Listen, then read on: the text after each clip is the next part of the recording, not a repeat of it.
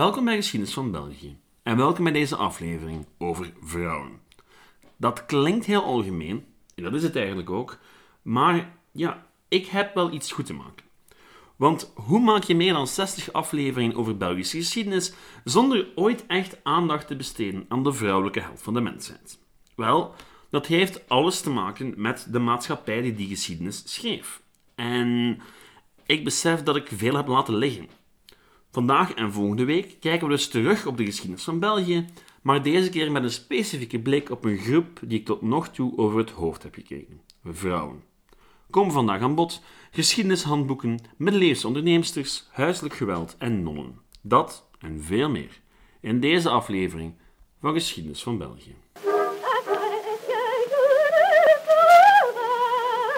Geschiedenis is populair vandaag de dag.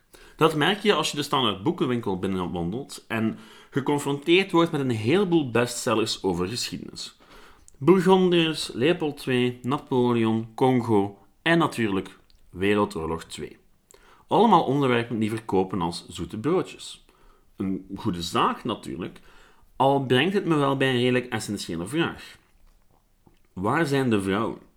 Want biologisch gezien moeten vrouwen zowat altijd 50% van de bevolking hebben uitgemaakt. Dus lijkt het maar logisch dat we haar ook terugvinden tussen al die boeken. Maar dat doen we niet. Op zijn best vind je een werk over Jeanne d'Arc, enkele nonnen en begijn uit de middeleeuwen en enkele werken over feminisme. Maar het lijkt een beetje alsof de vrouw voor de 19e eeuw amper bestaan heeft in de geschiedenis. Op enkele ja, farao's en dergelijke na. Nu, de werken die dan wel zijn, die verkopen over het algemeen een stuk minder goed dan hun tegenhangers. En afgaande daarop lijkt de geschiedenis een redelijk mannelijke affaire te zijn. En dat geldt ook voor het onderwijs. Een masterthesis van Sarah de Klerk in 2017 bracht enkele boeiende feitjes naar boven over geschiedenishandboeken in het secundair onderwijs. Ze worden vrouwen maar op de helft zoveel pagina's afgebeeld als mannen, zowel in de afbeeldingen als in de tekst. Dus qua aantal zit daar al iets niet helemaal goed. Maar er schortte ook iets met hoe die vrouwen werden voorgesteld. Want ja, het verbaast weinig dat vrouwen in handboeken bijna steeds worden gekoppeld met stereotype vrouwelijke rollen en beroepen. Vrouwen worden meer aan huiselijke taken gekoppeld en oefenen beroepen uit van een lager sociale economische klasse dan mannen, zoals dienares, boerin en huismoeder. Terwijl mannen schijnbaar allerlei beroepen konden uitoefenen in het verre verleden. Oh, en natuurlijk worden vrouwen bijna altijd naar voren geschoven als moeder, vrouw of zuster van. Wat me tot de sleutelvraag van deze aflevering brengt. Hoe komt dat? Is het een of andere lugubere samenzwering? Of weten we gewoon weinig of niks over de vrouw voor het ontstaan van het feminisme? Want misschien was de vrouw simpelweg niet belangrijk genoeg om een spoor achter te laten in de geschiedenis. Kan toch? Want als de maatschappij echt zo mannelijk was tot de 19e eeuw, dan is het toch logisch dat vrouwen geen echte rol spelen. En dat we dan ook bitter weinig over weten. En dat klinkt ook logisch, want ja, natuurlijk zijn er zoveel boeken over Napoleon, keizer, Louis XIV en consorten. Zij waren belangrijk. Toch? Wel, ja en, en nee. Want natuurlijk waren die figuren belangrijk, maar als Napoleon, keizer of Alexander de Grote op veroveringstocht trokken, dan deden ze dat logischerwijze niet alleen. Dan was er een hele maatschappij die dat soort zaken mogelijk maakte. Een maatschappij met vrouwen. Denk maar aan de Wereldoorlogen bijvoorbeeld, waar vanaf het eerste geweerschot een groot deel van de economie op vrouwen rustte. En waar vrouwen zich ook niet onbetuigd lieten van spionage en krijgsgeweld. Er zijn heel wat oorlogen waar we weet hebben van vrouwen die meevochten, die zich desnoods vermomden en dergelijke. En eigenlijk weten we relatief veel over vrouwen doorheen de geschiedenis. En als je echt op zoek gaat, zelfs heel veel. Wie op zoek gaat naar academisch onderzoek over de vrouw in de geschiedenis van België, die gaat bijna overstelpt worden door de hoeveelheden thesissen en artikels die de laatste 30 à 40 jaar geschreven zijn. Een korte greep uit het aanbod. Na een half uurtje zoeken. Hoeren, pauwen en ondeugende dochters is een magistrale doctoraatsthesis waarin Maya Méchant de prostitutie in Brugge in de tweede helft van de 18e eeuw onder de loep neemt en het leven van een heleboel dames van lichte zeen reconstrueren. Geweld op en door vrouwen in Nieuwpoort is een masterthesis van Bert Brutin en die neemt dan weer vrouwelijk geweld onder de loep in het Nieuwpoort van de 15e eeuw. Verder wordt er ook nog gekeken in een heleboel andere werken naar vrouwen en culturele gemeenschappen in de vroegmoderniteit, vrouwen en muziek in Antwerpen in de 19e eeuw, het lesbische uitgangsleven in de jaren 50, uitkeringen voor gehuwde vrouwen in laat-middeleeuws Gent, vrouwen in Belgisch Congo, Gentse textielarbeidsters, nooit gehuwde vrouwen in de 18e eeuw, adellijke vrouwen in de 14e eeuw. En een ware vloedgolf aan studies over hekserij. En wat dat zeggen wou over de rol van de vrouw in de maatschappij. En nog veel en veel meer. Want dan heb ik het nog niet eens over alle werken over het feminisme. Nu, na de feministische golf van de jaren 60 en 70 wisten vrouwen langzaam maar zeker door te dringen tot in alle lagen van de academische wereld. En werd de aandacht voor vrouwen doorheen de eeuwen ook een stuk groter. Net daarom is er de laatste 30, 40 jaar zoveel over vrouwen geschreven. Maar u hebt waarschijnlijk nog nooit van die studies gehoord. En dat heeft een reden. Want die studies die raken over het algemeen niet tot bij een breed publiek. Het brede publiek, ja, die ziet nog altijd die klassieke boeken. Nu, dat geldt trouwens niet alleen voor vrouwengeschiedenis, maar evengoed voor een heleboel sociale geschiedenis. 200 jaar geschiedenisonderwijs, dat vooral een politiek en persoonsgebonden verhaal vertelde, heeft de nodige impact gehad op hoe de meesten van ons met geschiedenis omgaan. Wij zien in onze verbeelding vooral grote mannen grote dingen doen. Over alles wat daaronder en daar rond gebeurde, is ondertussen ook wel veel geschreven, maar die geschiedenis is nu eenmaal stukken complexer dan een biografie over Leopold II, waar men de nodige tijd spendeert aan zijn maîtresses. Dat is aan zich wel boeiend, maar historisch gezien compleet irrelevant. Want die Leopold II kan je onmogelijk snappen zonder te begrijpen hoe die 19e-eeuwse wereld in elkaar zat. Leopold II mag dat wel veel gedaan hebben. Die is niet op eigen houtje naar Congo gevaren om er steden, spoorwegen en dergelijke op te zetten. Anderen hebben dat gedaan. Anderen hebben dat mogelijk gemaakt. Mannen en vrouwen. Het zal gewoon nog even duren voor al die verhalen tot bij een breder publiek geraken. Want hoewel er voor politieke geschiedenis van België en alles wat eraan voorafgaat al een heleboel toegankelijke overzichtswerken bestaan, zijn die er nog amper voor de geschiedenis van vrouwen. En die geschiedenis van vrouwen maakt ook nog geen deel uit van brede populaire overzichtswerken. Op zijn best hangt er ergens helemaal achteraan een hoofdstukje waarin men wat dieper op de kwestie ingaat. En dat, beste lezer, verklaart ook waarom vrouwen nog geen grote rol gekregen hebben in deze podcast. Of in elk geval niet de rol die ze verdienen. Omdat in de boeken die ik gebruik de nieuwe kennis vaak nog niet geïntegreerd is. En ja, het wel goed doen betekent heel wat opzoekwerk. En daar heb ik niet altijd de tijd voor. En hetzelfde geldt voor journalisten en andere mensen die populaire geschiedenis schrijven. Het, het vergt moeite om echt aandacht te besteden aan die groepen die niet genoeg aandacht krijgen. Dus zij die met geschiedenis omgaan, moeten eigenlijk altijd in het achterhoofd houden dat bronnen en literatuur soms nogal eenzijdig zijn. En dat je dan ook een extra inspanning moet doen. Want het is belangrijk om te beseffen dat het verleden, net als het heden en de toekomst, even mannelijk als vrouwelijk is. In de dagdagelijkse realiteit in elk geval. Ook al krijg je dat gevoel niet als je er een boek over leest. Goed, tot daar deze niet zo heel korte inleiding. Um, ik stel voor dat we nu doorgaan naar wat echte vrouwengeschiedenis. En ik dacht aan de middeleeuwen. Want hoe zat dat met de rol van de vrouw in de middeleeuwen in onze contraien? Ik begin met de middeleeuwen omdat we daar heel wat over weten. Voor de periode ervoor is het een stuk ingewikkelder, al heb ik het er op het einde wel nog even over, over hoe dat precies zat bij de Romeinen.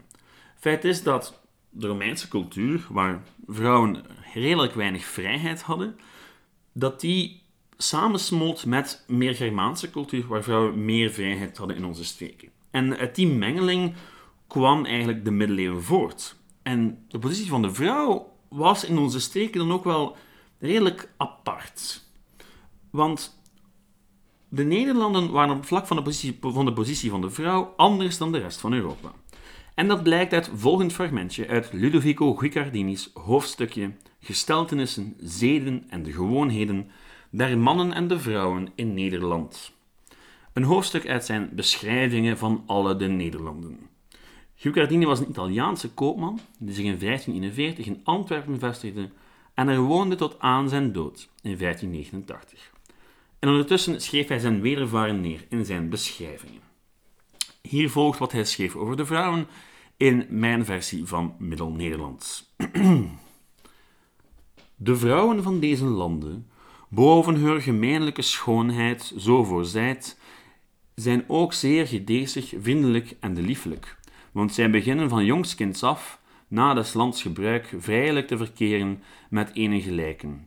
Deshalve zij in handel, sprake en de allerdingen vaardig, behendig en de koen worden houden haar niet min in zulke vrijheid zeer eerlijk en de deugdelijk. En die gaan niet alleen over en weer in de stad om haar zaken te bezoeken, maar reizen ook over land.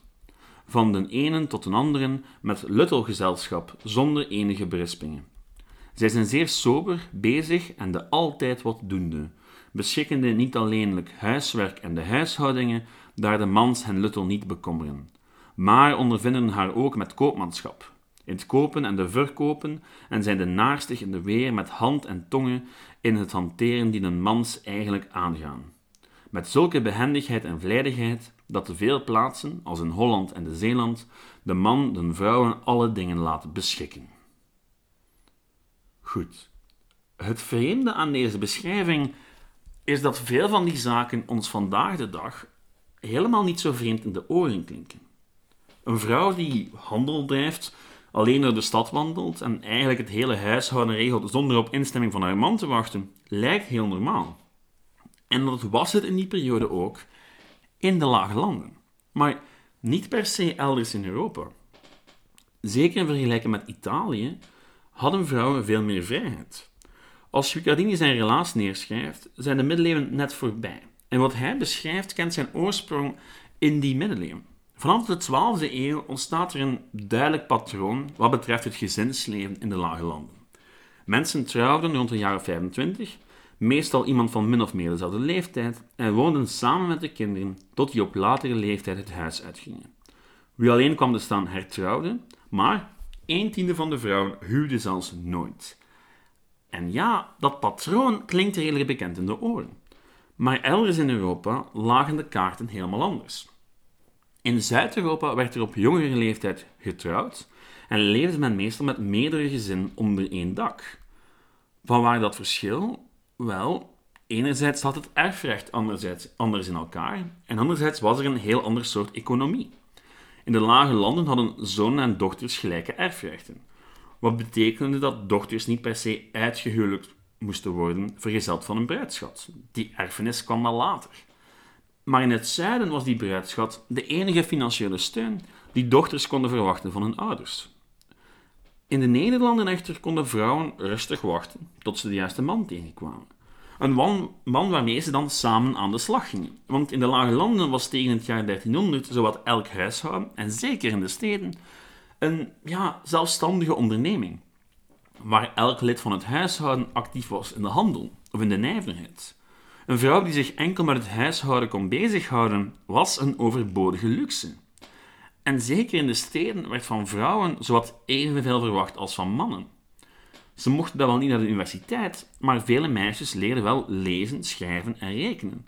En pikten nadien heel wat vaardigheden op in het atelier van manlief. En het mag nog niet verbazen dat een heleboel weduws, na het overlijden van een man, de familiezaak gewoon verder zetten. Nu, Oké. De vrijheid was ver van compleet. Want de man is heren en de meester van zijn huizen. Dat is een wet die al teruggaat tot de Grieken en Romeinen. En het betekende dat vrouwen wettelijk gezien rechtsonbekwaam waren en dus steeds onder de voogdij van een man moesten staan. Al werd dat niet altijd ja, zo strikt nageleerd. Maar binnen het huwelijk betekende het dat alle bezittingen van het echtpaar beheerd werden door de man. Het idee was dat in het huwelijk twee personen verenigd werden met hetzelfde belang, daarbij vertegenwoordigd door de man. Of de vrouw, als die laatste afwezig was. En dat laatste kwam verbazend veel voor. Een vrouw uit een gegoede familie kon bij de afwezigheid van haar man, zonder volmacht, huizen kopen en verkopen, huur heffen en contracten afsluiten. En er was nog een mogelijkheid voor vrouwen om zelfstandig te zijn: een eigen zaak. Vrouwen konden koopwijf worden, met een eigen bedrijfje dat volledig los stond van de activiteiten van haar man. Ah, en dan had je ook nog weduwen natuurlijk, die, als ze niet hertrouwden, bijna volledige rechten hadden. Dus er was veel mogelijk. En tegelijkertijd liep een huwelijk in de middeleeuwen ook al niet steeds van een lijn dakje. Een officiële scheiding was dat wel niet mogelijk, maar een scheiding van tafel en bed, waarbij het huwelijk wettelijk bleef bestaan, maar de partners elkaar nog weinig verschuldigd waren, dat kon wel. Wat waren redenen voor zo'n scheiding? Overspel, geweld, maar evengoed geldverspilling of onverenigbaarheid van karakter. Dus juridisch gezien hadden vrouwen in de middeleeuwen het zo slecht nog niet in de Nederlanden, in vergelijking met andere landen. Maar die situatie zou niet blijven duren, want na het einde van de middeleeuwen toe werden de rechten van vrouwen steeds meer ingeperkt. Vanaf 1400 werden vrouwen steeds meer in het welbekende hokje geplaatst van de huisvrouw, de huishoudster. Nu, door schrijvers. De realiteit op straat was nog iets helemaal anders. Want van 1000 tot 1600 namen vrouwen volop deel aan het economische leven, aan het publieke leven. Bepaalde nijverheden waren zelfs grotendeels vrouwelijk tijdens de middeleeuwen. De textielnijverheid, de brouwersnijverheid voor een lange tijd, de voedselverkoop, denk maar aan de visvrouw en dergelijke zaken. Nu, dat waren wel meestal dingen die dicht aansloten bij de huiselijke taak van de vrouw, maar toch, vrouwen waren aanwezig. Maar hoe langer de middeleeuwen voortduurden, hoe minder vrouwen een eigen kraampje op de markt konden hebben, of een eigen winkeltje. En langzamerhand begonnen de steden de mogelijkheden van vrouwen in te perken. En goed, er waren uitzonderingen, eh, bijvoorbeeld prostituees en vroedvrouwen. Dat waren economische sectoren die wel nog door vrouwen gecontroleerd werden. Vrouwen baten bordelen uit. Maar ja, de vrijheid doofde wel uit naarmate de middeleeuwen vorderden. En hetzelfde gold tijdens de middeleeuwen voor religieuze vrouwen. Want in het jaar 1000 hadden kloosterzusters nog een grote mate van onafhankelijkheid. Toen de kerk zichzelf begon te hervormen in de 11e en 12e eeuw, was vrouwelijkheid hun belangrijkste doelwit. Want ja, de vrouw die werd met de zondigheid geassocieerd.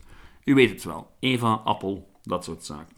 Maar die interpretatie die werd pas echt doorgevoerd in de kerk vanaf de 11e eeuw. En toen besloot men dat vrouwen niet langer biechten mochten afnemen of kerkdiensten mochten leiden. Want, jawel, in de vroegmiddeleeuwse kerk was dat de norm. Was het normaal dat een non biechten afnam en een mis opdroeg. En het afbakenen van de rol van de priester als een celibate man, die als enige biechten mocht afnemen en missen mocht houden, gebeurde vanaf die 11e eeuw.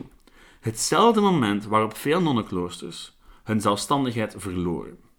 Oké, nu komen we eigenlijk bij de kern van de zaak. Waarom was dat? En waarom zouden later in de middeleeuwen vrouwen steeds meer hun onafhankelijke rol verliezen? Wel, had veel te maken met de teksten waar religieuzen en intellectuelen zich vanaf de 11e eeuw steeds meer lieten inspireren. De klassieken. Oh jawel. Want wij mogen onze democratie dat wel gebaseerd hebben op Griekse en Romeinse idealen van democratie en persoonlijke vrijheid. Beide volkeren hadden geen grote dunk van vrouwen. Integendeel. En door de middeleeuwen heen zou men aan universiteiten en in kloosters de oude teksten herontdekken. En zo ook hun visie op de rol van de vrouw in de samenleving. En ik overdrijf niet als ik zeg dat het Romeinse ideaal dat was van de vrouw aan de haard. En in Griekse teksten had onder meer Aristoteles het over vrouwen als mislukte mannen. En dat zegt zowat alles. Het recht in Rome was ongelooflijk, ja, mannelijk. Vrouwen hadden echt geen enkel recht. Een man kon de vrouwen binnen zijn huishouden doden als hij dat nodig had en daar een goede reden voor had. Dus het was dat recht, het was dat idee over vrouwelijkheid, dat naar het einde van de middeleeuwen toe steeds meer ingang vond. Eerst in intellectuele kringen, maar hoe langer hoe meer ook in de maatschappij. En tegen het einde van de 16e eeuw was de vrouw een stuk minder vrij dan tevoren. Hoe vrouwen daarmee omgingen, zowel in de politiek als in de kunsten, zien we volgende week. En dat was het dan voor deze korte inleiding van de geschiedenis van de vrouw in België en haar voorgangers. Dit is ver van een compleet overzicht. Um, er is heel wat geschreven over de vrouw. Het ontbreekt nog wat aan algemene boeken, maar er is echt wel van alles als je je wilt inwerken. Sommige van die zaken zijn nogal academisch. Um, wat de thesis betreft, gouden tip, lees de inleiding en het slot. Daarmee weet je meestal wel de kern van de zaak. Als er dan nog iets is, statistiekjes, afbeeldingen, kan je die altijd gaan zoeken. Volgende week gaan we verder waar we vandaag gebleven zijn. In afwachting kan u alles raadplegen waar ik naar verwezen heb. De links vindt u op de Facebookpagina. Hebt u een opmerking of een vraag, dan kan u altijd terecht op de Facebookgroep Geschiedenis van België of mij bereiken via geschiedenisvan.outlook.be. Bedankt voor het luisteren en tot volgende week. Ciao!